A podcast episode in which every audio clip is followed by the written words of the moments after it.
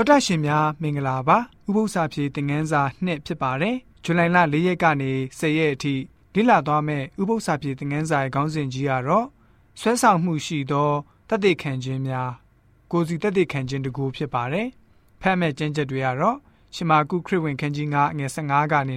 20ရှမာကုခရစ်ဝင်ခန်းကြီး16ငွေ1ကနေ17တမန်တော်ဒုခန်းကြီး4ငွေ1ကနေ20 ရှမ်းဩဝရစာပထမဆောင်အခန်းကြီး1အငယ်1ကနေ3ဂလာတိဩဝရစာအခန်းကြီး2အငယ်20တမန်တော်ဝတ္ထုခန်းကြီး26အငယ်1ကနေ32တို့ဖြစ်ပါတယ်။အဓိကကျမ်းချက်ကိုတော့တမန်တော်ဝတ္ထုခန်းကြီး4အငယ်20မှာတွေ့နိုင်ပါတယ်။ငါတို့သည်ကြားလျက်မြင်လျက်ရှိသောအရာတို့ကိုမဟောမပြောဘဲမနေနိုင်ဟုထိုသူတို့အားဆိုကြ၏ဆိုပြီးတော့ဖော်ပြထားပါတယ်။ကိုစီတက်တဲ့ခံခြင်းမှာဖြစ်လိမ့်မရှိတဲ့တကူကိုရရှိတတ်ပါတယ်။သခင်ခရစ်တော်ရဲ့မြတ်တာတော်နဲ့ကျွန်တော်တို့နှွေးထွေးမှုရရှိချိန်မှာ ဖျားရှင်ရဲ့ကရုဏာတော်နဲ့အတူကျွန်တော်တို့ဟာလည်းပဲကြောင်းလဲခြင်းရရှိပါတယ်။အဲ့ဒီအကြောင်းကိုပြောကြားဖို့လည်းပဲကျွန်တော်တို့မှာလက္ခဏာပေါ်လွင်လည်းရှိပါတယ်။ယေရှုရှင်ဟာလူတွေအတွက်ဘယ်လိုမျိုးလှုပ်ဆောင်ပေးခဲ့တဲ့အကြောင်းကိုလည်းပဲပြောပြဖို့အသင့်ရှိလာပါတယ်။ဆက်ကဆက်ကလူတွေကိုကိုရရှင်ဆိုရင်ကျွန်တော်တို့ကိုစီအတွက်ဘယ်ရာတွေကိုလှုပ်ဆောင်ပေးခဲ့တယ်ဆိုတာကို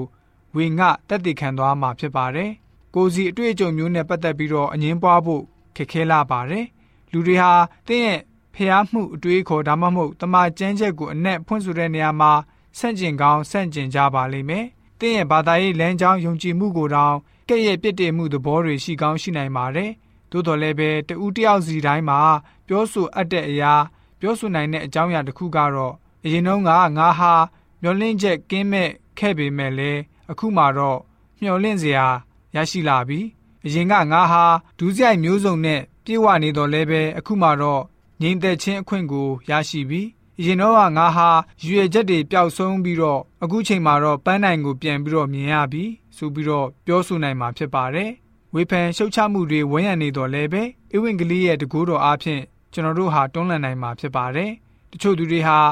တမန်တော်ကြီးရှင်ဘောလူလိုဓမ္မသက်သွားရလမ်းမပေါ်မှာပဲရုတ်တရက်မထင်မမှတ်ချက်ချင်းပြောင်းလဲရတဲ့သဘောမျိုးရှိကောင်းရှိကြပါလိမ့်မယ်။ဘုရားရှင်ရဲ့ကောင်းမြတ်လာတဲ့အရာတွေကိုလက်ခံရရှိခြင်းအပြင်ပြောင်းလဲလာတဲ့ပုဂ္ဂိုလ်ပို့ပြီးတော့များပြားလာပါတယ်။ဘုရားရဲ့အံ့မရာကရုဏာတော်အကြောင်းကိုနှစ်သက်မျက်နှိုးပြီးတော့ဒီပြင်အခမဲ့ပေးဝေခဲ့တဲ့ကယ်တင်ရှင်ကျေးဇူးတော်ကိုခံယူတုတ်ပြန်တဲ့အနေနဲ့ပြီးတော့ခရစ်တော်အရှင်ဟာကျွန်တော်တို့ရဲ့အသက်တာအတွင်းမှာဗဟုပြစ်မှတ်ဖြစ်လာရပါတယ် အဲ့လိုမျိုးသောတသက်ခံချက်မျိုးဟာကဘာသူကဘာသားတွေတောင်းတလိုချင်နေတဲ့အရာပဲဖြစ်ပါတယ်ဆိုပြီးတော့ဥပုံနဲ့ဥပု္ပ္ပစာဖြေသင်ခန်းစာကဖော်ပြထားပါတယ်။